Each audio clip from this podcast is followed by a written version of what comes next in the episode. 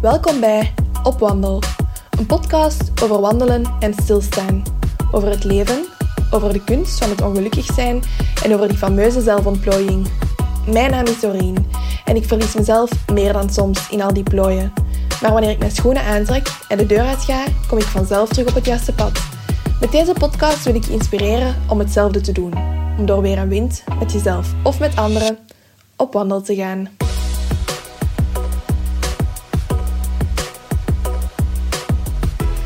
Hallo opwandelaars en welkom bij een nieuwe aflevering. Het is een beetje een nostalgische aflevering vandaag, want ik ga wandelen met Erik Chabert. Erik is mijn oude godsdienstleerkracht en hij liet altijd een menselijke en een warme indruk op mij achter en daarom ben ik hem nooit vergeten.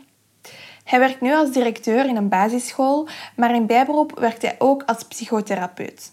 Zo helpt hij mensen om om te gaan met levensvragen, waaronder ook verlieservaringen. En daar ga ik het met hem over hebben. Over verlies, wat dat precies is en hoe dat we daarmee kunnen omgaan. Maar ook over de impact van positieve affirmaties, de kracht dus van onze positieve gedachten. En over de shift naar een bewustzijn dat we toch meer en meer beginnen te zien bij de nieuwe generatie. Het is iets wat aanstekelijk lijkt te werken. We gingen wandelen in de omgeving van Alsenberg en Sint-Genesius-Rode, want daar ligt de site van de Herische Molen, een oude kartonfabriek. Ik ben er vroeger nog op boerderijklasse geweest. Ja, het is er sowieso altijd gezellig vertoeven. Je zit midden in het Pajottenland. Um, soms heb je dan wel eens modder aan je schoenen, maar dat heb ik er graag voor over als ik bijna twee uur en bijna zeven kilometer lang ontspannen langs velden en bossen kan wandelen met de zon op mijn gezicht. Meer moet dat voor mij niet zijn. De Heersenwandeling is dus een thematische wandeling vertrekpunt Heerse Molen of ergens anders op de route en heel makkelijk te volgen via de zes hoekige bordjes. Wij vertrokken bij Erik thuis.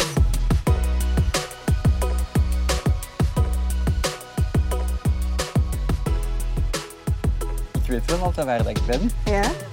maar de weg volg ik niet altijd. Oké, maar ik heb ook zo'n GPX-bestand uh, gedownload, dus uh, we're safe. Ik ga het direct eens open doen. Uh, dat is denk ik deze. Uh, start riding. Voilà, dus die, die volgt ons dan en die zegt naar waar dat het is. Voilà, Super, super. ideaal. Oké, merci om met mij Oh, heel te willen graag. wandelen. Ah, vind ik heel tof. Ja. Ik ken u eigenlijk al, allez, ik ken u al lang, maar ik heb u al heel lang niet meer gezien. Ehm, want je was mijn godsdienstleerkracht in de Ja, middelbare school. Dat was het eerste, tweede middelbaar, denk ja, ja ik nog. het eerste middelbaar. Dat Ja. is nu twaalf jaar geleden, denk ik, ongeveer. Yes. Wat voor, wat voor leerling was ik eigenlijk? Weet je dat nog? Oh, ik denk dat jij... Een beetje herinner ik mij wel dat dat, dat dat een hele toffe klas was waarin dat je zat. Ja. Ehm, open.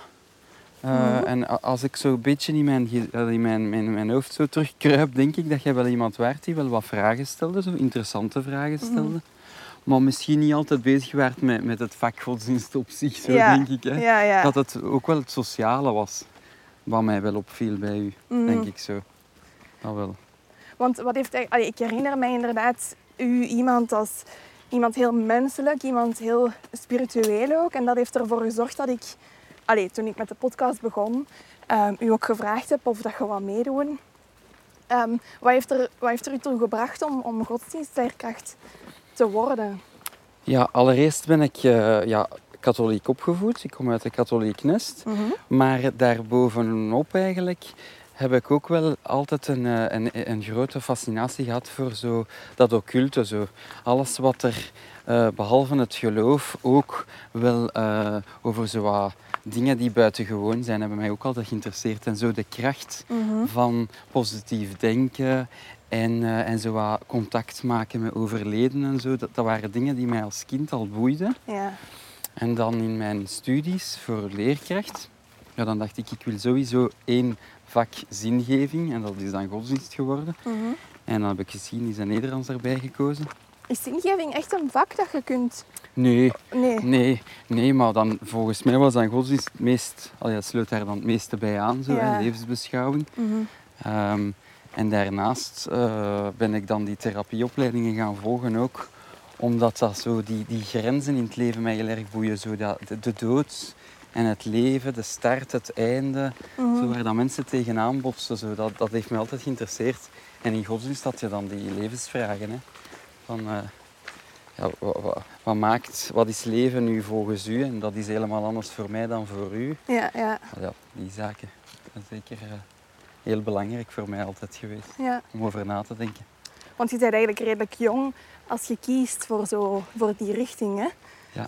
Ja. Ja, 19. Allee, ik was 19 omdat ik eens een eh, middelbaar jaartje heb overgedaan.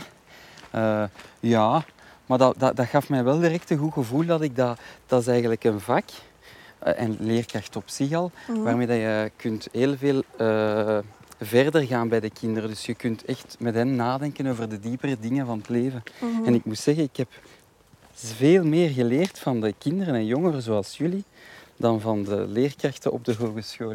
Is het echt? Oh ja, absoluut. Eh, als dat gaat over gewoon het omgaan met anderen, dat is het al bijvoorbeeld. Maar ook, je zit in een klas, ik stond dan voor een klas van 25 leerlingen Mhm. en die hebben allemaal een eigen achtergrond. Ja. Die hebben allemaal een, een, een, een uniek leven, maken dingen mee. Je- we gaan dan praten over, over eh, afscheid nemen of over waarin geloof ik nu Mhm. eigenlijk of wat vind ik belangrijk in mijn leven. En al die gesprekken die hebben echt wel gemaakt tot wie dat ik nu geworden ben. Is dat omdat kinderen ook nog heel puur zijn op dat moment in hun leven? Dat denk ik ook wel. Ze, ze, de kinderen hebben nog niet zoveel eh geleerd om zich te gaan conf- con- conformeren of zoiets. hè. Mhm. Ze- Ze gaan zich niet echt eh, aanpassen per se. En ze gaan ook geen aangepaste antwoorden geven. Mhm. Dat vond ik vooral in de lagere school. Want ik heb lesgegeven van, aan de kinderen van 6 tot eigenlijk 17 jaar. Mhm. Maar tegelijk, de, de, de adolescenten of zo, de, de pubers ook, dat is ook weer interessant, omdat die heel erg zo vanuit, ik wil, dat hier, ik wil mij hier gaan zetten in de wereld. Ik wil vooral weergeven waarin dat ik wel of niet geloof. Zo. Ja. Een beetje zo die weerstand, dat is ook weer interessant. Daar is dan wel al een beetje meer sociale aanpassing. Maar daar wil je dan tegen gaan rebelleren, waardoor dat je toch weer op zoek gaat naar wat is de waarheid voor mij. Mhm. Vond ik zo tof. Want dat was allee, iets wat ik me eigenlijk afvroeg. Ehm, je stapt in dat vak als godsdienstleerkracht. Naar hier? Ja. Ja, ah ja. hier is een wandelpad. Ja, maar die- ah, toch wel. Ehm, je hebt een doel. Hè. Je wilt met die kinderen daarover praten. Je wilt die zingeving gaan bespreken. Ehm, maar net zoals dat je waarschijnlijk bij mij op een beetje een muur hebt gebotst van iemand die misschien niet veel met godsdienst aan zich bezig is, haal je daar dan toch veel voldoening uit? Omdat, ik kan me inbeelden, of zeker onze klas, hoe dat ik onze klas herinner, we waren wel inderdaad wat rebels en het moest altijd wel cool zijn en zo. Maar jij komt dan wel met een heel serieus onderwerp. Ja, wel, het is eigenlijk een manier van u te verbinden met, u, met uw medemens. Ik, denk dat, ik heb dat altijd geprobeerd vanuit de grondhouding van acceptatie. Ieder persoon is zoals dat hij is. Ja. Eh, ja, er moet wel wat respect zijn natuurlijk, maar dat respect dat begint al van bij, bij jezelf. Hè. Heb ik genoeg zelfrespect? Laat ik bepaalde dingen toe, in de klas ook, of niet? En wat laat ik dan wel of niet toe? En, en eh, door die grondhouding en mij te gaan echt verbinden met de, met de, met de, met de kinderen, Mhm. kwamen wij wel gemakkelijk tot gesprekken. En ja, een weerstand, dat vind ik super boeiend. Ik heb heel vaak liever een leerling zo gehad die zei... En ik geloof daar helemaal niet in, dat is onzin. Ah, oké. En wat maakt dat je daar dat echt niet in gelooft? Ja, ja. En dan komt het tot...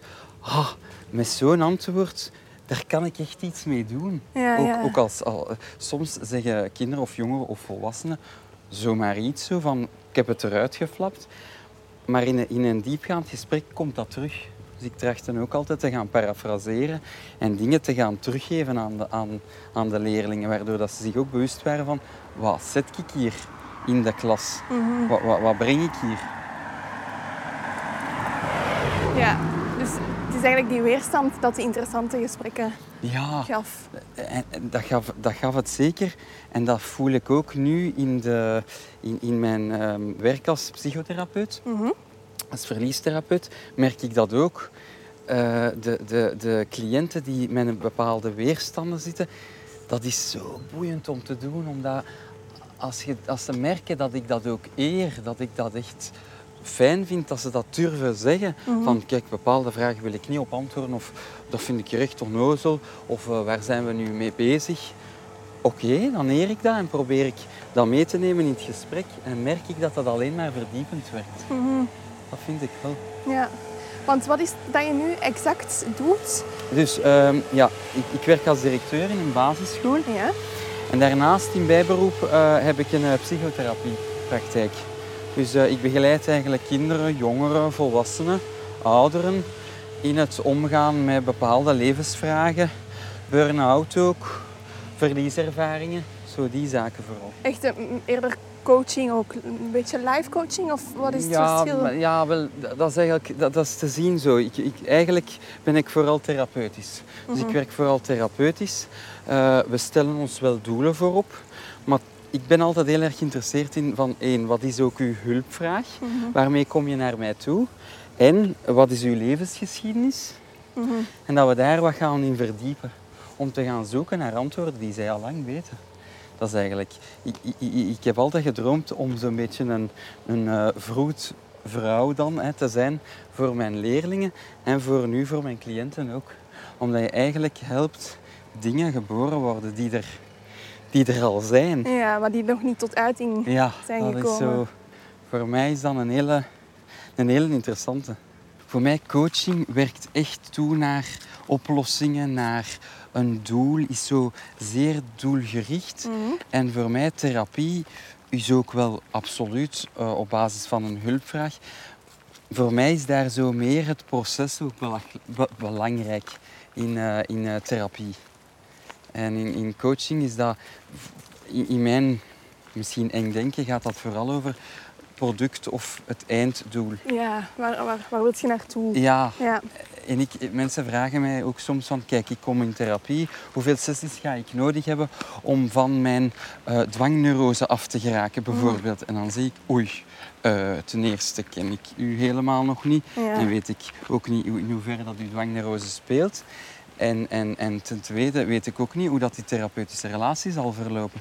Dus ik kan daar absoluut geen aantal sessies op plakken. Nee. Ik heb de indruk dat bij coaching dat je dat misschien soms wel makkelijker kunt doen. Dat daar een procedure zo is Mhm. dat je volgt. Terwijl het Veel hier meer. ook wat meer, misschien ja, afhankelijk van de case. Ja, het is ook heel breed wat je doet. Hè? Ik bedoel, burn-out, eh, verlies. allee, het, zijn, het is niet alleen echt coachen naar een bepaald doel, maar het is meer echt gaan van binnen kijken van wat speelt er allemaal. Ja, Ja. absoluut. Ja. ja, want je kunt wel zeggen, kijk, we gaan, we gaan verdiepen om te gaan verwerken wat we meemaken. Mhm. Dat is zeker ook zo.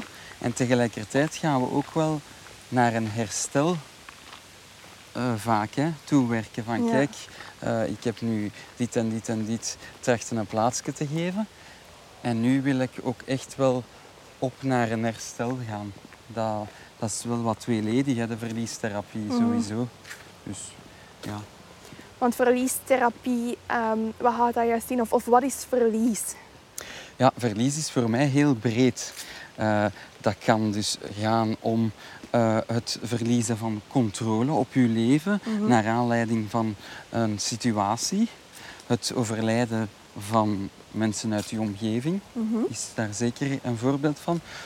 Eh, dat je gaat verhuizen bijvoorbeeld kan ook heel ingrijpend zijn voor kinderen of voor jongeren of volwassenen. Maar ook het verliezen van je job.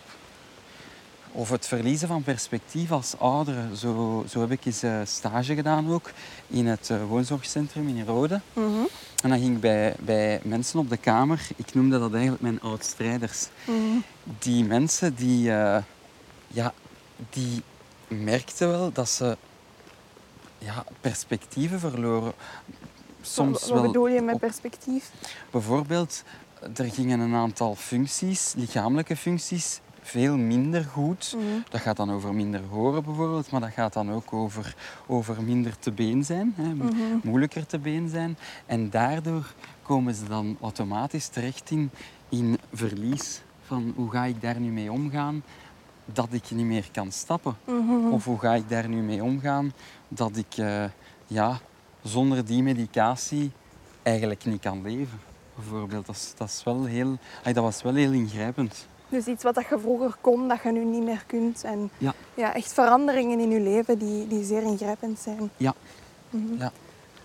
Ja, dus het is eigenlijk veel breder dan rouwen om iemand die je verloren bent. Het kan ook gaan over dingen die je eh, aan jezelf verliest, aan je persoon verliest. Ja. Absoluut. En, en, en het is in therapie altijd eigenlijk dat je, wanneer dat je in therapie gaat, dat je eigenlijk een stukje van jezelf, je legt dat bloot bij de therapeut. En ik ervaar dat als, het is alsof dat je een puzzel bent en je legt, of, of, of, of een vaasje, en dat is in scherven uit elkaar. En je gaat die scherven zo op de mat bij de therapeut leggen. En dat je gaat gaan kijken van, kijk, wie ben ik nu nog eigenlijk? En opnieuw de weg gaan van, ik wil dat terug gaan met elkaar verbinden. Die stukjes in mijzelf, die, die, die ik dacht verloren te zijn. Of diegene die ik echt verloren ben. En hoe ga ik dan verder zonder? Ja. Dus dat is, ja, dat is ook vaak een puzzelwerk zo. En ze zeggen vaak hè, van die persoon gaat door een periode van rouw. Ehm, is, dat, is dat een vast patroon? Of, of kun je daar patronen in herkennen? Of is dat eerder uniek voor, voor iedereen?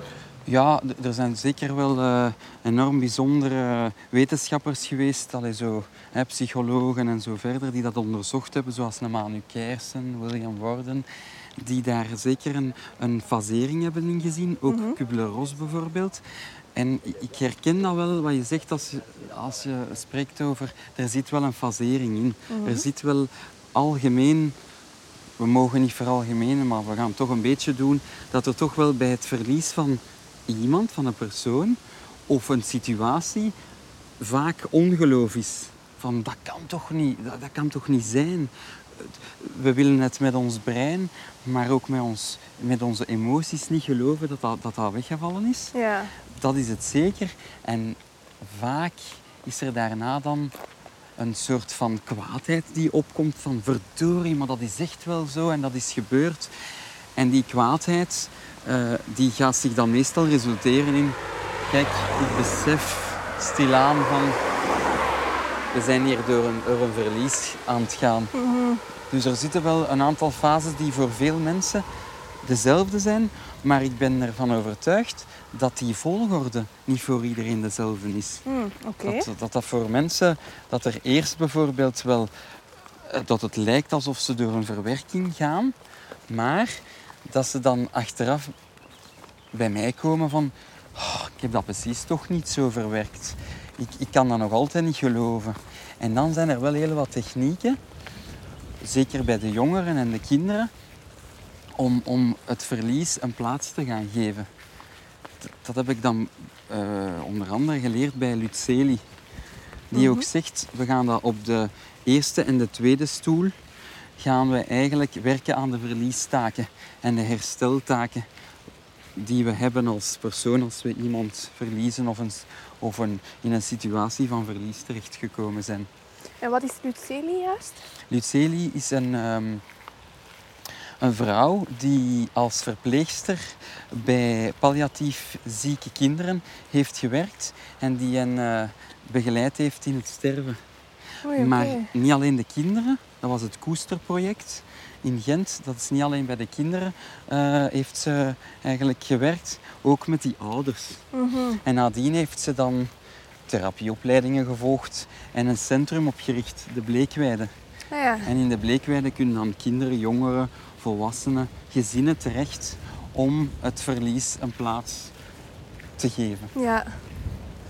Mooi. Zij werkt ook heel erg zo met rituelen, met praatpapieren, met foto's, met beeldmateriaal. Zo op een heel creatieve manier. Ja, want dat had ik inderdaad gezien hè, eh, op jouw website ook, dat er, dat er creatieve technieken gebruikt worden. Ehm, hoe komt dat dat, dat, dat helpt? Om, om, dat, om daar niet gewoon over te praten, maar dat ook een andere uiting te geven.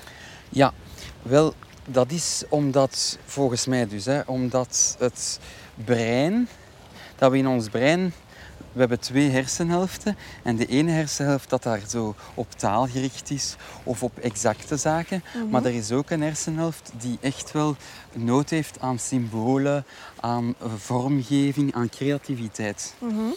En door te zoeken naar wat voor een persoon de manier is om iets te verwerken, Ja. en dat is, dat is al eigenlijk op een creatieve manier, eh, zie ik ook dat de persoon een stuk zo in zijn of haar kracht komt.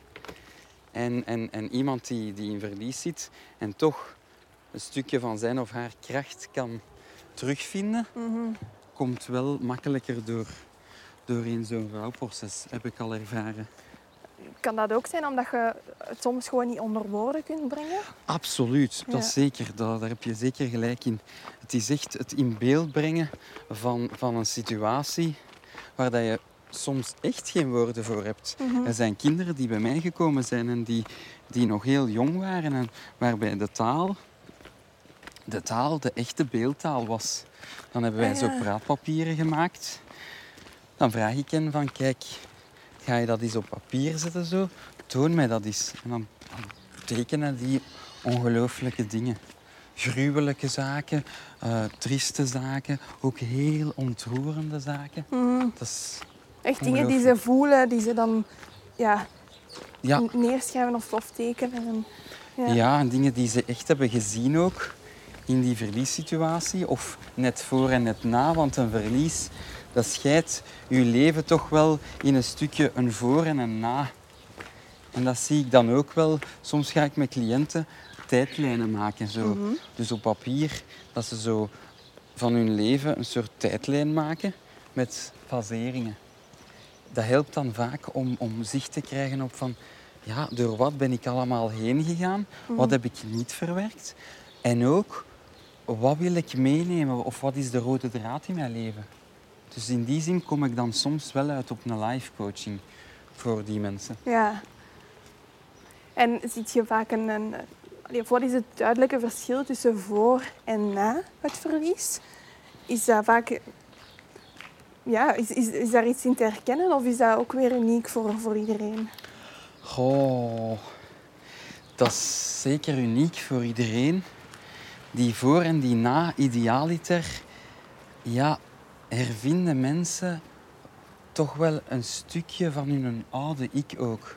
Dat niet alles met het verlies weggevaagd is. Dus dat, dat is wel iets waar ik altijd tracht zorg voor te dragen. Van, ik ga van die mensen geen nieuwe mensen maken. En die verliessituatie, die, die, die, die daagt mensen wel uit om alles in vraag te gaan stellen. Om hoe ga ik nu verder? Ja. Maar ze gaan niet helemaal loskomen van het voor. Wat er, wat er voor het verlies Mhm. is gebeurd, dan nemen ze toch wel ook wel mee. Ja, hierin. Klopt. Goed. Ik had het niet gezien. Ik dacht, het is hier ergens. Ja. Ja. Want je hoort wel heel vaak hè, als je ehm, ja, mensen die bijvoorbeeld eh, kanker hebben overleefd of mensen die ja, een bijna doodervaring hebben gehad of die iemand heel belangrijk hebben verloren in hun leven, dat die zoiets zeggen als van ehm, oh ja, er is precies een waas voor mijn ogen weggetrokken en ik zie terug hoe mooi het leven is en ik zie de kleine details of, of de kleine dingen, daar geef Ja. ik terug om. Absoluut, dat is ook zo. En dat is het mooie ook aan het beroep van, van therapeut. Mhm. Dat je, ja, mensen komen soms naar mij van, ah, kun je mij helpen? En, en wauw, en bedankt voor wat je gedaan hebt. En dan, dan geef ik dat wel terug. En dan zeg ik, ik voel mij een bevoorrecht getuige om te zien hoe dat jullie ja, met andere ogen dingen gaan zien. Ja, Het leven anders gaan aanpakken soms. Het leven terug gaan oppakken. kunnen we door? Misschien wel. Toch een pupietje. Schattig. Oh. Dat is schrik. Première balade. Ah, oh. Courage. Schattig. Dus dan voel ik mij zeker een bevoorrecht getuige om, om te zien wat, wat er gebeurt met de mensen. Ja. Als zij met nieuwe ogen of met andere ogen gaan kijken. Naar wat er was of wat er Ja. is. Ja. Ja. Er is ehm, een podcast van Johan Terrein ehm, en die heet Het Uur Blauw. Ah. En ehm, hij heeft dat eigenlijk opgericht in tijden van corona. Hallo. Ehm, voor de mensen die heel abrupt iemand zijn verloren aan het virus. En dan ga je eigenlijk ook met die mensen wandelen en ze vertellen over hun, hun verdriet en ja, hun ervaring. En het ding is, ik kan eigenlijk geen tien minuten luisteren naar die podcast voordat ik mo- gewoon moet beginnen meehuilen. ik ben super emotioneel en ik vind dat wel straf dat jij dan als coach ehm, al dat verdriet ziet. Hoe, hoe, hoe ga je daarmee om? Hoe, hoe houd je jezelf sterk en hoe geeft je dat zelf een plaats? Ja, het is echt wel als, als therapeut heel belangrijk, heel belangrijk om, om, al, om, om in verbinding te kunnen gaan met, met diegene die voor u zit. Mhm. En in verbinding gaan, dus daar hoort zeker die empathie bij. Maar het is niet een ik heb medelijden met jou of ik ga met jou meelijden. Mhm. Het is echt zo, voor mij is er dan de rol van ik ben hier ja, getuige van, van hoe dat jij hier omgaat met wat jou overkomen is. En dat is, dat is een, een intuïtief, intuïtief iets voor mij van ik ben hier bij jou. Ik, ik eh, maak verbinding met jou. En wij komen hier samen wel doorheen. En ik, ik, ik eh, vind dat enorm bevoorrecht. En een enorm bevoorrechte positie neem ik daarvan zaken mee. Als ik uit mijn praktijk kom, ja, dat wel. Dat moet ik wel zeggen. Als er zo toch wel een aantal heftige gesprekken zijn geweest, of Mhm. gesprekken over heftige zaken, Ja. verlieservaringen, dan pak ik nadien toch nog wel eens goed mijn kinderen vast Mhm. en zeggen slaap wel. Of, of eh, ja, het, het heeft mij zeker gemaakt tot wie ik nu ben. Dus elke dag opnieuw, die, die gesprekken maken mij ook wel bewust van, het is nu dat we leven. Mhm. Het is niet zo gisteren of morgen, het is nu. Dat is het enige dat we hebben. Ja, dat is mooi. Ja, heel krachtig. Want ik denk als je inderdaad door zo'n periode van rouw gaat... Is dat hier? Ja, ik denk het wel. Ja. Ja. dat je heel veel ehm, negatieve gedachten ook hebt. Dat het zo... Ja, dat er echt precies een regenwolk boven u hangt. En ehm, ja, wat is die impact van die negatieve gedachten op ons gemoed? Het is zeker belangrijk om te laten zijn wat is. Wij mensen in ons dagdagelijks leven, in de therapie en daarbuiten ook, ha, onze grootste uitdager zijn wij zelf. Mhm. Want we gaan vaak zelf weerstand hebben van oh, hoe voel ik mij nu weer vandaag en ik wil mij zo niet voelen en ik wil niet verdrietig zijn of ik wil niet boos zijn. Dat is de eerste grote uitdaging voor ons. Dus, of ik wil geen sombere gedachten hebben. Ah, oké.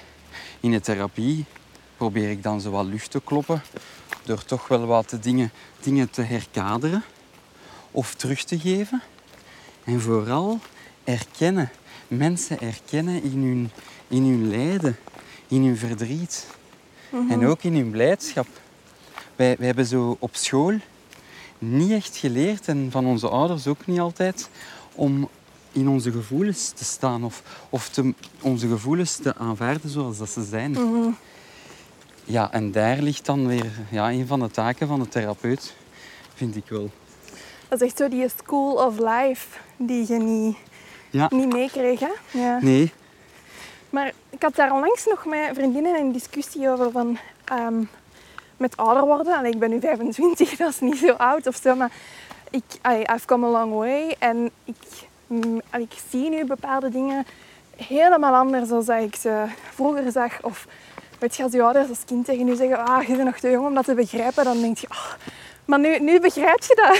Nu zeg je ook tegen jongere kinderen van, je bent nog te jong om dat te begrijpen. En ja, de vraag is dan van, moeten we dat al geleerd krijgen als kind? Moeten we daar al over praten als kind? Of zijn we dan nog te jong ja, om het daarover te hebben? dat, werkt dus bij mij helemaal contraproductief. Wanneer dat mensen zeggen, je bent nog te jong om dat te leren. Dat is echt zo, dat druist in tegen mijn waardepatroon. Ik ben zeker, en daarvoor haal ik zo de regio Emilia, dus de school van Emilia eigenlijk aan. En die zegt van, kijk, een kind wordt geboren met 100 talen. In de opvoeding en in onderwijs pakken wij 90 talen af. En zeggen wij, die ene taal, dat is de juiste. Klopt voor mij echt helemaal niet. Hè. Ik word daar zelfs boos van. Ah, ja. Als wij zeggen, ja, maar je kunt dat nu nog niet begrijpen, want jij bent kind. Mm, Kinderen staan vaak krachtiger in het leven dan, dan de volwassenen. Ervaar ik, of heb ik ervaren. Dus Ja, ja. Ik, ik vind het heel belangrijk dat kinderen toch wel in de school of life, zoals dat je zei, leren omgaan met hun gevoelens.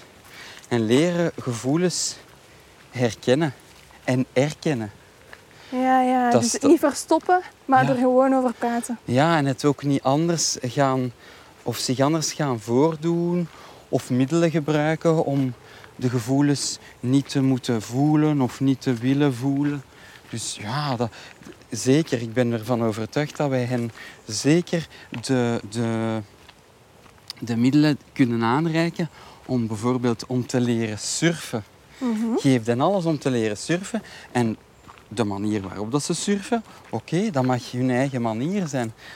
Ze moeten er alleen wel genoeg eh, middelen toe krijgen. En voor mij is dat dan, het surfen is het leven.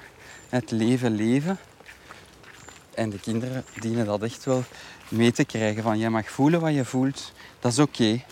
En er zijn dingen die je zo mag uiten. Ja. En dingen die niet zo oké zijn om het op die manier te uiten.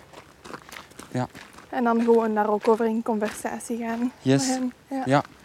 Oké. Denk je dat we op een kantelpunt zitten? Als in, zoals ik zeg, dat is iets wat mijn ouders tegen mij zeiden, van je bent nog te jong om te begrijpen. Denk je dat we nu in een soort van generatie komen die, allee, van mensen die terug meer in touch gaan zijn met zichzelf en hun gevoelens? Ik denk dat wel. Ja? Ik denk dat jij ook al een hele andere ouder zal gaan zijn zonder onze ouders te willen gaan oordelen of veroordelen. Denk ik dat wel. Ik merk heel veel, eh, als, als directeur dan ook, merk ik dat ouders toch wel heel goh, zelfbewust trachten te leven, zo, zoveel mogelijk. Mhm. ook wel heel snel voorgeschoteld krijgen wanneer ze erover gaan. Ik zelf ook, van oei, hier ga ik nu in het rood, dat gaat hier niet goed. Omdat we toch in een maatschappij zitten die opvoeding belangrijk vindt. Ja.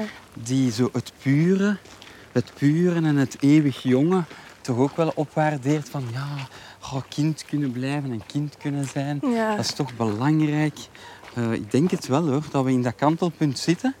En dat, dat wij bewustere ouders zijn dan onze ouders. Ja, Ja, ja. en dat dat alleen maar zal... Ja, dat die frequentie alleen maar zal verhogen. Zo de, de mate van attentie voor een kind zijn of haar gevoelens Mhm. te gaan herkennen. En daarmee ook je eigen gevoelens waarschijnlijk Ja, als ja, spiegel. ja, daar reik je iets goed aan. eh. t- Als we het niet doen, krijgen we de spiegel voor. Hè. De Ja. kinderen houden ons sowieso een spiegel voor. Van, eh, oei, nu heeft hij een bepaald gevoel en ik kan daar zelf ook niet goed mee om. Ja, ja. En, het eh, is ja. heel grappig dat je dat zegt, want ik was ehm, in de vorige op wandelaar is Patsy. Patsy is een plusoudercoach, plusouderconsulente. Dus zij ehm, werkt met ouders uit nieuw samengestelde gezinnen. En daar was het ook heel hard van, ja, kinderen houden hun spiegel voor. En kinderen spiegelen u. Dus als jij ehm, ook positieve verandering vertoont, dan volgen de kinderen dat wel. Ja, dat, dat denk ik wel. Ja. Zeker als je een, een, een verbinding nastreeft met, met je omgeving. Hè. Mhm. Want voor mij gaat dat echt wel veel verder dan enkel met jezelf en met je kinderen. Dat is ook wel een holistischere manier van omgaan met alles rondom u. Holistisch echt vanuit verschillende perspectieven, met heel veel respect. Dat gaat ook bijvoorbeeld over hoe ga ik om met de natuur? Ja. Hoe ga ik eh, simpele dingen als eh, afval gaan sorteren? Dat zijn ook die dingen die ofwel wij aan de kinderen leren en zij krijgen dat daarmee mee, of onze kinderen aan ons voorschotelen. Want zeg, eh, papa, dan moet je wel daarin gooien. Hè? Ja. Want dat en dat en dat. En in die zin, ja, geloof ik dat wij bewustere ouders zullen zijn. Ja. En, en de generaties na ons ook nog. ja, dat is wel goed, denk ik dan. Ja, ja. Allee, ik ben daar, kijk, geloof hè, in die Ja? dingen dat dat wel... Ja, op, op dat vlak komt het zeker wel goed. Tof. Want je zei, allee, we hadden het daarnet al echt over die negatieve gedachten hè, en dat je dat enorm kan beïnvloeden. Het tegenovergestelde van negatieve gedachten zijn dan misschien wel positieve affirmaties. Iets wat je daarnet ook al even kort had aangehaald. Ja. Ehm, wat is dat juist en, en werk je daar ook veel mee in je, in uw praktijk? Ja, eigenlijk werk ik daar in het algemeen mee. Zowel op school als in de praktijk als thuis. Dat gaat eigenlijk om het herformuleren van bepaalde zaken die, die ik belangrijk vind. Dat ging bijvoorbeeld vroeger over... Je bent leerkracht en je gaat naar leerlingen in hun rapport iets schrijven over hun prestaties of hun werkhouding en zo verder. Dat is altijd voor mij super belangrijk geweest om dat positief te formuleren. Want als je het positief formuleert, zal het ook makkelijker ontvangen worden. En dan gaat dat niet altijd over, amai, dat heb je goed gedaan. Het is geen, eh, geen eh, feel-good rapport op zich. Ja. Het gaat over, wat zijn mijn sterke punten en wat zijn mijn werkpunten. En die, die werkpunten, dat die zo vanuit een groei worden geformuleerd. Je kan hierin nog groeien. Eh, ga zeker eens op zoek naar puntje, puntje, puntje. Dus dan, dan kom je ook al gemakkelijk op een, op een de growies en de, en de ficties. Misschien ken je dat wel, zo, Nee. die, die gedachte, het gedachtegoed van een, een fictie. Dat is iemand die zo, of iemand, dat is een gedachtegoed waarin je zaken heel erg statisch maakt. Jij bent niet goed in rekenen, bijvoorbeeld. Of wat kun jij goed moppen vertellen? Dat is zo alsof je een label krijgt Ja. en dat helpt je groei niet echt. Want een groei is volgens mij altijd eh, naar een totaalpersoonsgroei gericht.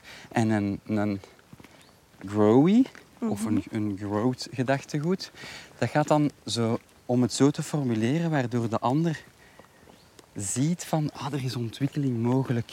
Ik kan dat gaan leren of ik kan dat ontwikkelen. Ik, ik ben daar al redelijk sterk in en ik kan daar nog, ah, ik kan daar nog in groeien. Zet Dat dan bijvoorbeeld, je hebt potentieel om of... Ja, en dat is natuurlijk te moeilijk voor een, voor een Ja. student of voor een leerling op Ja. zich om dat zo te gaan formuleren. Toch ook heb ik altijd benadrukt van schrijf, ik ben nu even op het onderwijs, maar schrijf naar, naar de leerlingen een rapport. Wat ben je met een rapport?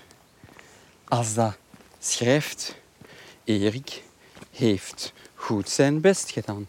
Erik heeft het nog moeilijk met daar, daar wil ik ook wel mee helpen verandering in brengen in het onderwijs. En ik denk dat we daar al goed mee bezig zijn. Ja. Ik denk dat we daar al goed in bezig zijn om het kind centraal te stellen op alle gebieden. Dus ook naar evalueren. Want waarom, allee, waarom sta ik in het onderwijs? Om kinderen te helpen in hun groei. Maar dat is allemaal verschillend, hè? voor ieder kind verschillend. Ja, ja. Dus ook die positieve affirmaties, dat gaat dan ook over als therapeut of als directeur of als man of vader, dat ik steeds tracht eh, mijzelf ook met een positieve zin te motiveren. Je kunt 's morgens opstaan en zeggen, oh nee, wat een dag, dat is aan het regenen en zo verder. Of je staat op en je zegt, ja, het is aan het regenen. We gaan er het beste van maken. De plantjes zullen groeien. We gaan een keer zien hoe dat op het werk is. Dus dat is, het is echt, dat is uw mindset eigenlijk. Ja, ja. Door die positieve affirmaties, bij mijn cliënten ook, door dat mee te geven, zie ik ze wel groeien. En komt er een zachter omgaan met zichzelf. Ja, dus het is echt een manier waarop je naar de dingen kijkt eigenlijk. Ja, Ja. dat heeft een onwaarschijnlijk grote invloed. Denk, hier. On- Ja, ja, Ja.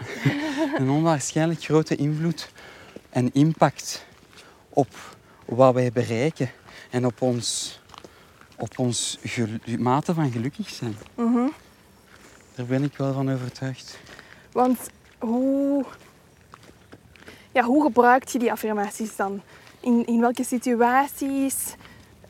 Of, Ja, dat gaat van bijvoorbeeld, ik neem iemand die met grote angsten leeft, Mhm. die s'morgens opstaat en die al aan het denken is wat er zou kunnen mislopen. Van zichzelf te gaan voorhouden van ik ben veilig. Ik, ik heb hier eh, geslapen in een bed, zoveel uur deze nacht. Dat is goed gegaan. Dus ook te gaan zoeken naar wat, wat is er wel goed verlopen. Dat, dat gaat echt over heel concrete zaken gaan verwoorden. Want we vergeten vaak in onze ambities van het, van het drukkere leven hoeveel, wij, hoeveel geluk dat wij hebben. Hoeveel eh, grote stappen dat we zetten. Zo. Allee, als ik zo een tijdlijn voor mezelf opmaak, ik doe dat zo wel een aantal keren zo per jaar, om ook te beseffen van, oh, amai, wie heb ik allemaal ontmoet of wat heb ik allemaal gedaan? Ja, ja. En wat heb ik daaruit geleerd? Zo die balans opmaken. Met tijdlijn ga je dan echt zitten aan een tafel Ja. met een blad en een papier. Ja. Dat is twee keer hetzelfde. Met een blad en een stift en je tekent gewoon... Oké, sinds maart vorig jaar ben ik Ja, hier dat, geraakt. ja, dat kan dan bijvoorbeeld gaan. Ofwel splits ik het op in een tijdzone van drie maanden, zes maanden of per maand. Of per half jaar of per jaar en zo. En gaan op verschillende vlakken gaan noteren van waardoor ben ik heen gegaan. Dat kan gaan over, over het verlies van mensen in mijn nabije omgeving. Hoe, ben ik, hoe heb ik daarop gereageerd als een promotie op het werk? Of ehm, binnen mijn vriendenkring, wat er daar gebeurd is. Of mijn gezondheid. Dat is, dat is heel divers. Je kan er eigenlijk heel ver in gaan. Ja, en om dan terug wat voeling te hebben ook van waar ben ik nu mee bezig. Die tijdlijn helpt ook wel vaak om, om mijn doelen te stellen als, als ik met iets zit. Zo van wat wil ik nu eigenlijk bereiken. Je- dat is een beetje misschien hetzelfde als mensen die zo een vision board hebben. Zo'n moodboard met de toekomst van hun leven eigenlijk. Met, Ja, Ja. ja. met dat verschil dan dat ik echt wel naar het, naar het verleden en naar het hier en nu ook wel keer. Ja. Zo het verleden, om mij, om mij goed te doen beseffen van waar ben ik nu eigenlijk mee bezig. Ook zo tracht ik ook altijd goed voor mezelf uit te maken. De, de, de waarden die ik belangrijk vind, streef ik die na door de handelingen die ik stel. Of voor de, voor, door de keuzes die ik gemaakt heb. En als dat zo is, dan ben ik daar heel tevreden over. En als ik merk van, oei, daar heb ik dat niet gedaan, dan ga ik dat toch nog eens even in, in eh, overweging nemen. Van, zou ik daar niet op terugkomen? Zo die zaken. Zo proberen heel dicht bij mezelf te blijven en authentiek te zijn. in a way bent je dan toch ook continu bezig met ontwikkeling en groei en evaluatie van jezelf. Absoluut. Ja, ja, ja. Dat is zeker. ehm, ik, ik vind het ook super interessant om op cursus te gaan. Zo, ik heb zo een aantal jaren intuïtieve ontwikkeling gevolgd. En daar was een, een deeltje van de cursus dat ging over innerlijk leiderschap. Wel, dat is het voor mij. U, uzelf de vraag stellen waarmee ik bezig ben. Is dat, helpt mij dat hier? Geeft mij dat energie of kost mij dat energie? Draag ik bij aan, aan, het, aan het welzijn van mezelf en van mijn omgeving? En als dat ja is, ja, dan ben ik daar heel gelukkig om. En als dat nee is, dan ga ik bekijken van waar kan ik iets aan doen. En Ja, soms is dat ook gewoon, ja, soms is dat ook gewoon er mij bij neerleggen ook. hè, Van kijk, ja, het leven hoeft niet altijd jee te zijn. Er zijn ook wel echt momenten van, oh ja, nu laat ik iets achter. En ik had dat eigenlijk wel graag. Maar ja, goed, ik laat het dan los. En die gevoelens mogen er dan zijn. Ja. Ja. Mhm. Ik ging iets vragen, ik ben het vergeten. Ik ging op iets inpikken. Maar... Innerlijk leiderschap. Ja, nee, wat ik wou vragen. Intuïtief, intuïtieve ontwikkeling. Intuïtie, slaagt dat dan op buikgevoel? En Ja, dat, dat, dat slaagt voor een deel op buikgevoel. Ja, we zijn het zo wat verleerd om onze intuïtie te gebruiken. Allee, we, dat klinkt zo heel veralgemeend. Ik merkte dat bij mijzelf toen ik, toen ik eh, 22 was en ik was afgestudeerd. Ik kon in het onderwijs meteen beginnen. En ik dacht, ik ga mezelf echt een groot cadeau geven. Ik ga intuïtieve ontwikkeling volgen. En dat was een heel interessante opleiding die mij heel dicht bij mezelf bracht. En die mij hielp in, in het lesgeven ook. Want hoe kun je nu aan kinderen, aan leerlingen iets meegeven als je zelf niet helemaal in je kracht staat? Dus die intuïtie, dat was zeker een buikgevoel. Dat ging ook over ja, aanvoelen wat, wat nodig is voor mezelf en voor de ander. Dat ging over reading ook. Mensen gaan lezen. Maar niet per se van, amai, die heeft eh, drie puisten op zijn gezicht of zo die zaken. Maar het, het, het, de, de gevoelens van mensen ook wat gaan lezen. Ja, ja. Zonder veel woorden. En eh, je zei net, we zijn ons buikgevoel een beetje kwijtgeraakt. Is frappant dat je dat zegt, want bijna maar iedereen waarmee ik op wandel ga, die zegt dat. We zijn ons buikgevoel kwijtgeraakt. Wat is volgens u de oorzaak daarvan? Ja, dat, is een, dat, is een, dat is een heel interessante vraag. Het authentiek leven, dat is iets wat mij enorm boeit. Dus als je authentiek leeft, dan sta je echt in je kracht. En er, is, er is een strekking die dat dan noemt van in je hara staan. En dat is zo in je buik, hè, zo ergens een bepaalde, bepaald eh, Ja. stukje van je lichaam noemen ze de hara. Waar je chakras en zo ook ja, zitten. voilà, ja, die, die zaken. Ja. En, eh, dus ja, wat is, hoe, hoe is dat nu gebeurd? Ha, bijvoorbeeld er heel veel onze beeldcultuur. We kijken heel veel televisie of we zitten op internet, we gaan op sociale media. Maar meer met onze ogen en ons hoofd dan dat we dat echt met onze buik doen. Mhm. We, we, we, we zien al die dingen passeren en we verwerken die. Maar dat, dat die, we gebruiken daarbij niet onze intuïtie. Het is ook zo'n soort van passieve houding. Laat de beelden maar tot mij komen en ik, ik zoek wel uit wat dat ze met mij doen. Ja, ja. En ja, hoe kunnen we daar nu uit geraken? Ja, dat is echt een digitale detox zo een keer doen. Van kijk, ik ga mij eens een periode wat digitaal eh, of mij wat weghouden van alle digitale middelen. Ja. Niet gemakkelijk. Maar we deden het vroeger ook. Hè.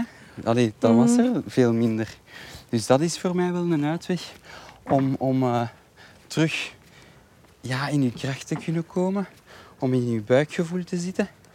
En zo ehm, puur fysiek denk ik ook zo grondingsoefeningen te gaan doen.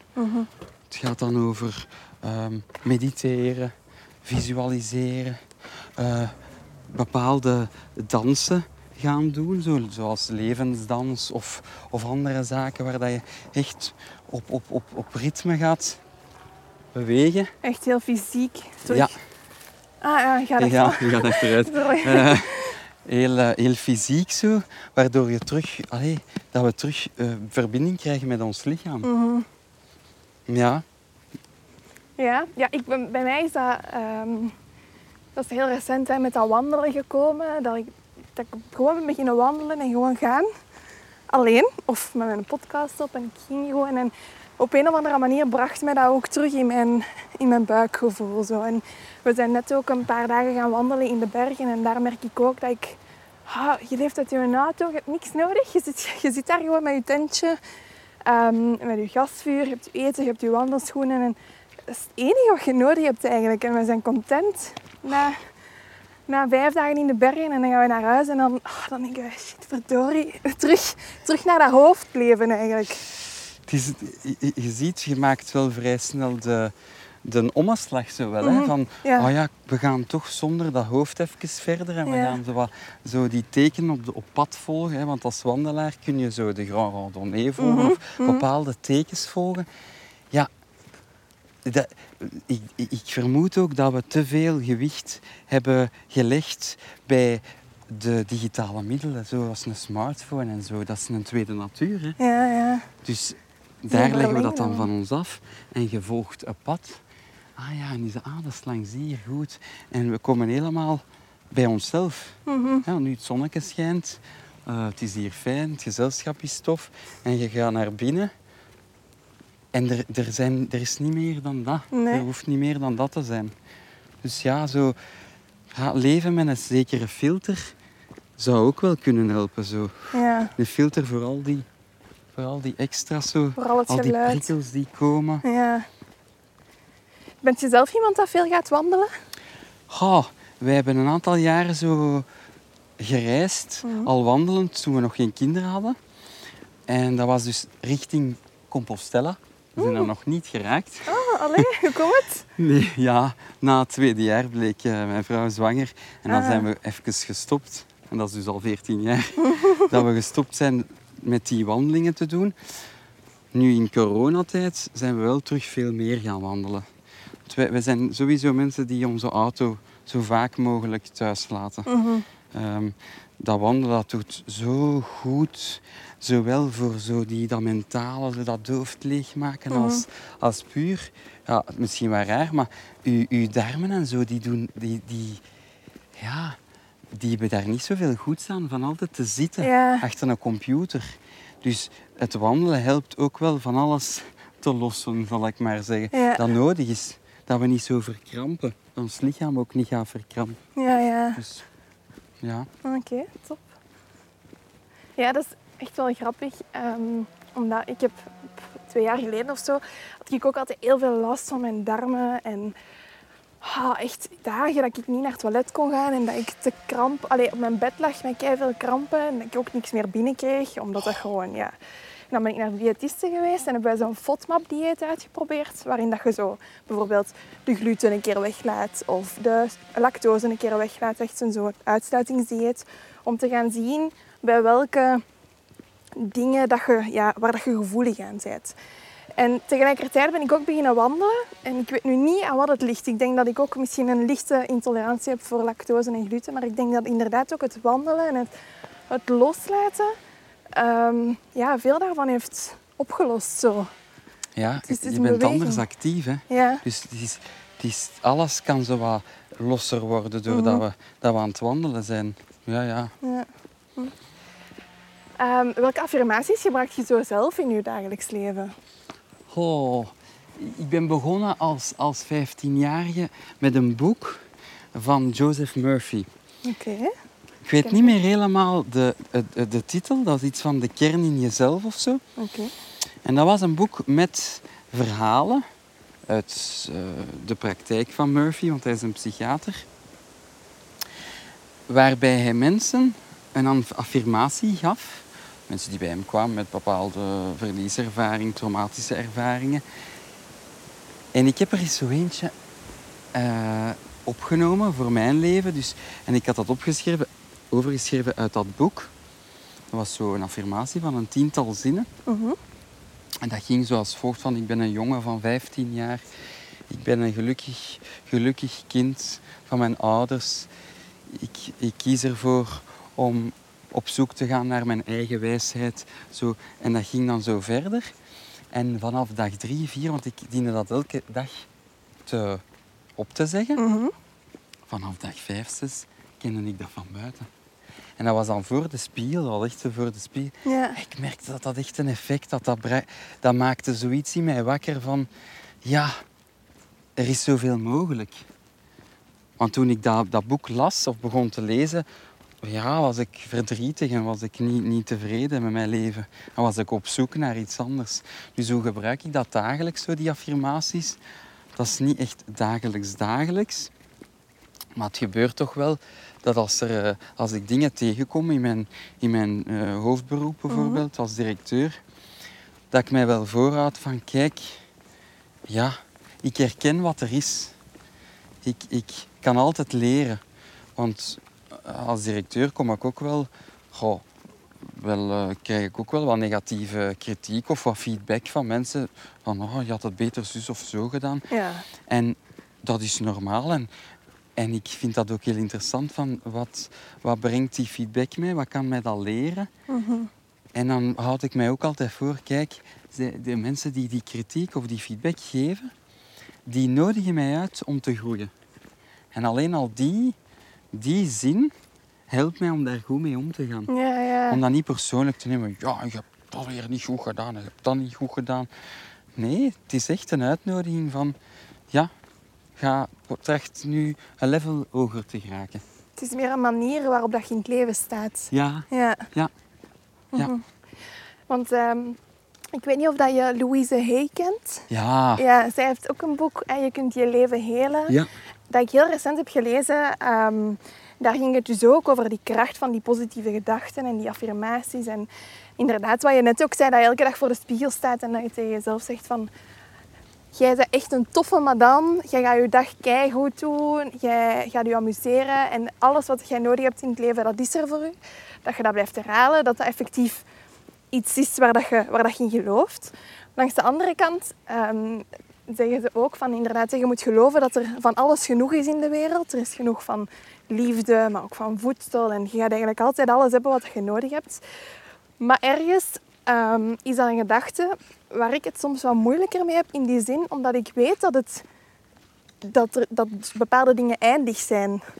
En dat, het niet, dat er niet voor iedereen genoeg is.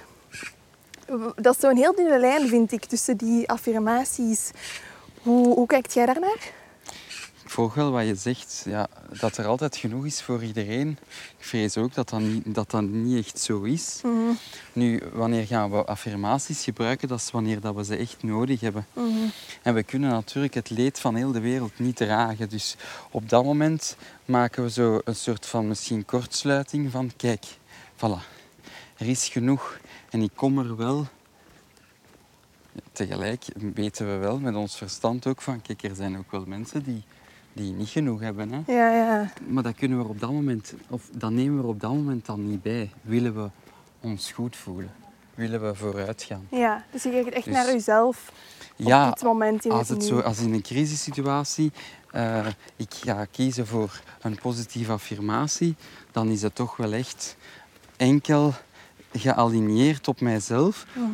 Mij wel een, een, een eh, hoop en een vertrouwen dat het voor mijn omgeving ook goed is. Hè. Mhm. Dus wel ethisch goed. Maar er, ja, het is niet voor iedereen gelijk. Ja. Eh, het leven heeft toch wel uitdaging voor, voor, veel, voor veel mensen. Hè. Of Ja. biedt veel uitdagingen aan mensen. Louise haalt ook aan dat, ehm, dat je moet geloven in de kracht van het universum. Hè, en dat het universum je brengt wat dat je nodig hebt. Bijvoorbeeld rijkdom. Rijkdom is heel breed, hè, maar stel dat we het nu hebben over eh, de financiële middelen hebben om iets te gaan doen waar dat je van droomt. Je affirmatie zou dan kunnen zijn, ik ben welvarend of, of ik, ik kan mijn doelen bereiken. Ehm, en zij, zij schrijft in haar boek dan dat uiteindelijk die dingen dan wel naar u toe zullen vloeien. Ehm, vloeien die naar u toe omdat die effectief naar u toe vloeien? Of is dat een manier waarop dat je naar de dingen kijkt, waardoor dat je gaat geloven dat ze naar u toe vloeien? Ja, er is zo een, een, een zin die in mij nu naar boven komt. Het komt zoals het komt, Mhm. maar eh, niet altijd zoals dat we verwachten dat het komt. Dus het kan in een andere gedaante komen. Ah ja. Ja, als ik mij dan heel, heel down voel of heel verdrietig voel, ik zeg, oh, ik zou nu echt graag troost vinden. En ik heb een bepaald beeld in mijn hoofd. Ja, mijn partner die gaat mij, gaat mij echt troosten vandaag. En mijn baas die gaat mij zeggen van Erik, je moet vandaag niet gaan werken. Ja, dat, dat is, het komt zoals het komt, soms anders dan verwacht. Dat Ja. is het eigenlijk. Dus ja, ik geloof wel in de, de aantrekkingskracht die je kan gaan gebruiken. Van, dus de kracht van het universum, door dingen te gaan uitspreken van wat wens ik echt, maak je volgens mij dat de dingen wel gemakkelijker kunnen gebeuren. Mhm. Ik heb zo een aantal keren al zo een brief geschreven, dat is vanuit de NLP, neurolinguistisch programmeren. Ja. Een brief naar een vriend in de toekomst. En waarin ik een beetje mijn leven overschouw. En dat is dan een, een, een brief van vijf jaar later, dus gericht naar 2025. Ah ja.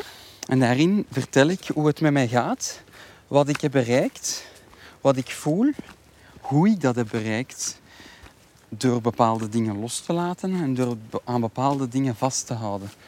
En dan schrijf ik die, die met mijn niet-dominante hand. Echt? Ik schrijf dat op, echt waar. Dus met, met links dan? Ja, bij mij is dan links. Hoe lang schrijf ben je daar dan mee bezig? Ja, dat duurt dan toch wel drie kwartier om zo'n Ja. beetje een brief te hebben van, Ja. van een goed blad. Zo. Ik plooi dat op, ik zet dat in een envelop en ik zet dat ergens weg. En dan haal ik dat daaruit, soms na een aantal jaren, soms tien jaar later.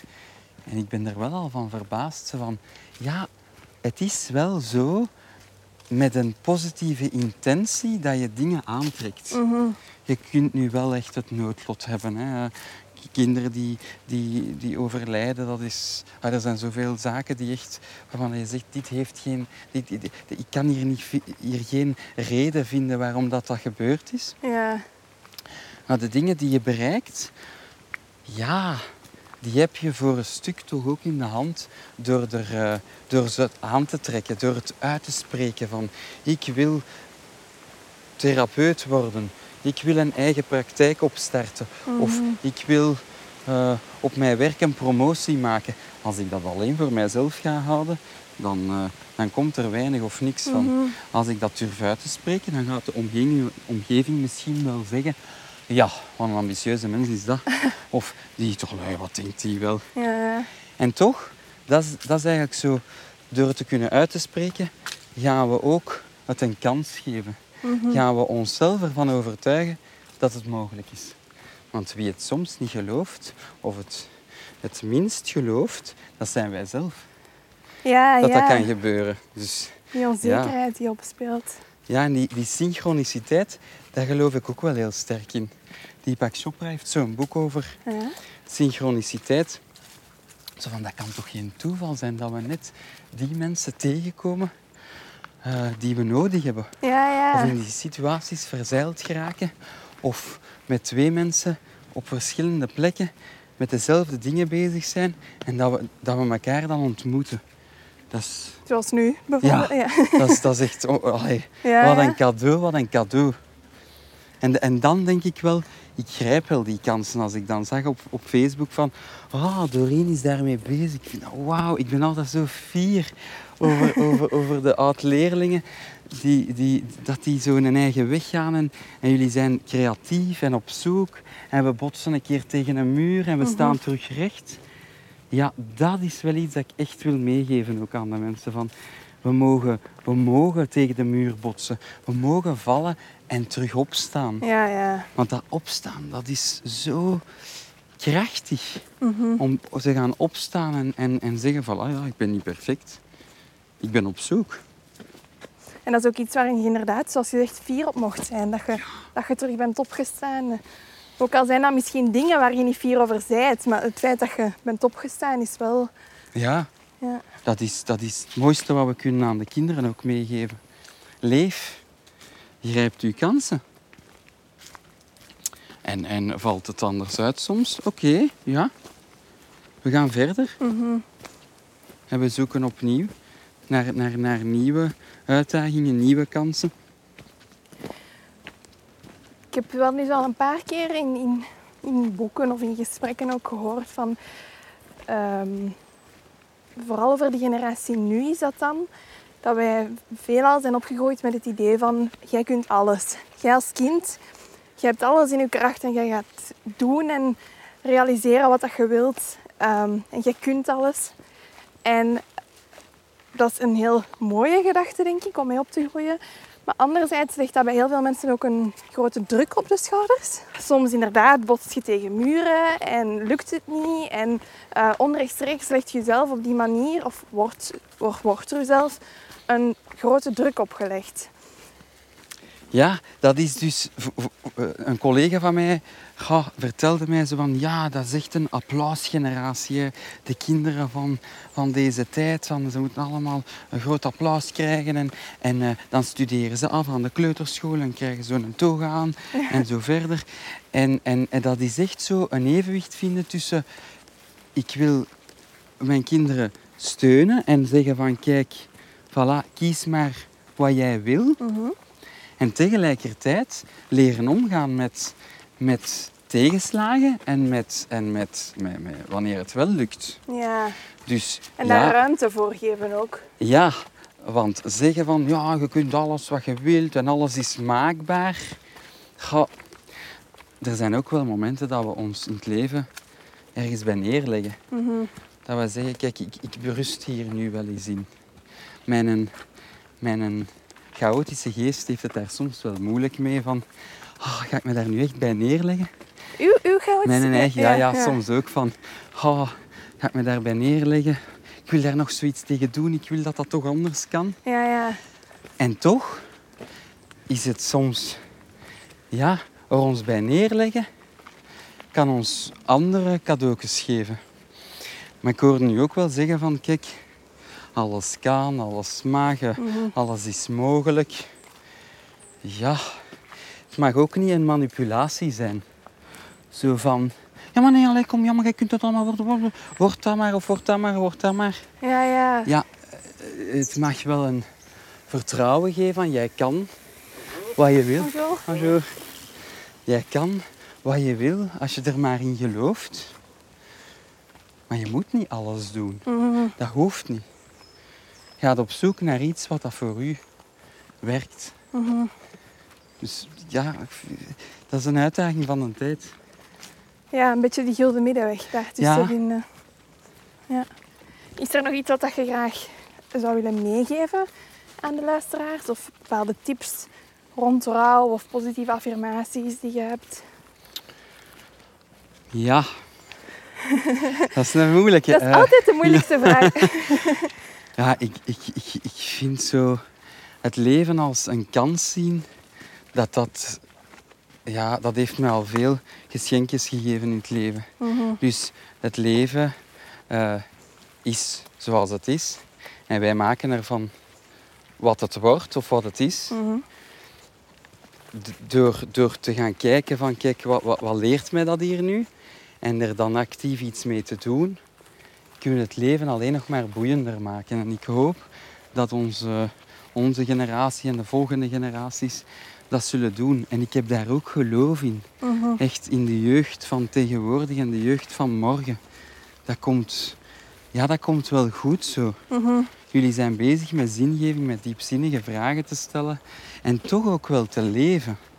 Toch ook wel in het hier en nu te zijn. Ja, dat is wel waar. En, en een aanrader vind ik wel het boek eh, De Tao van Poe.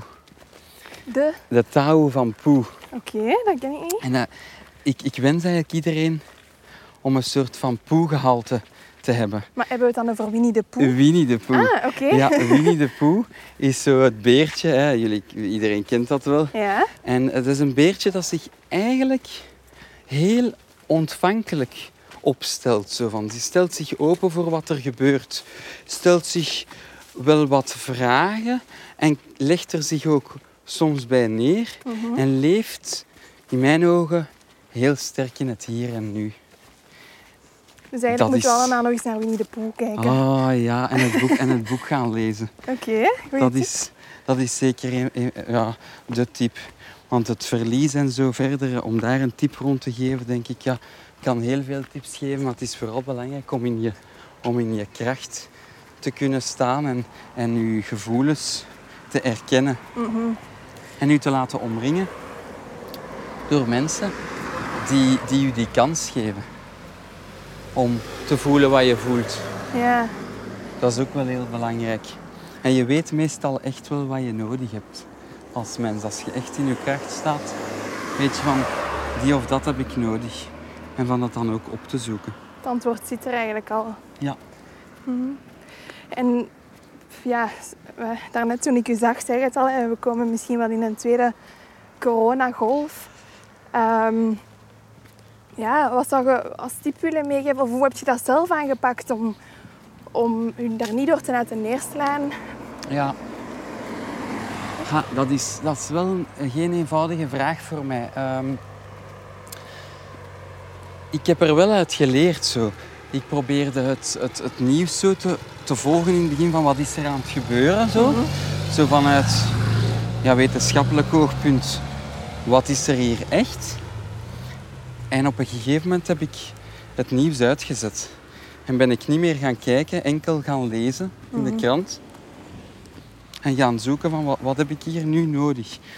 En het eerste dat bij mij opkwam was eigenlijk een soort van vertrouwen. 2020, dat is een heel speciaal jaar, zo als getal ook. Hè. Ja, Dat ja. heeft iets dubbel in zich zo. Het herhaalt zich, 20 en 20. En tegelijk zo is het voor mij een jaar van polariteiten. Van, er komen uiterlijkheden naar boven, zo, of, of de uiterlijkheden lijken belangrijk te zijn. En tegelijk, in die coronatijd, is het zo simpel.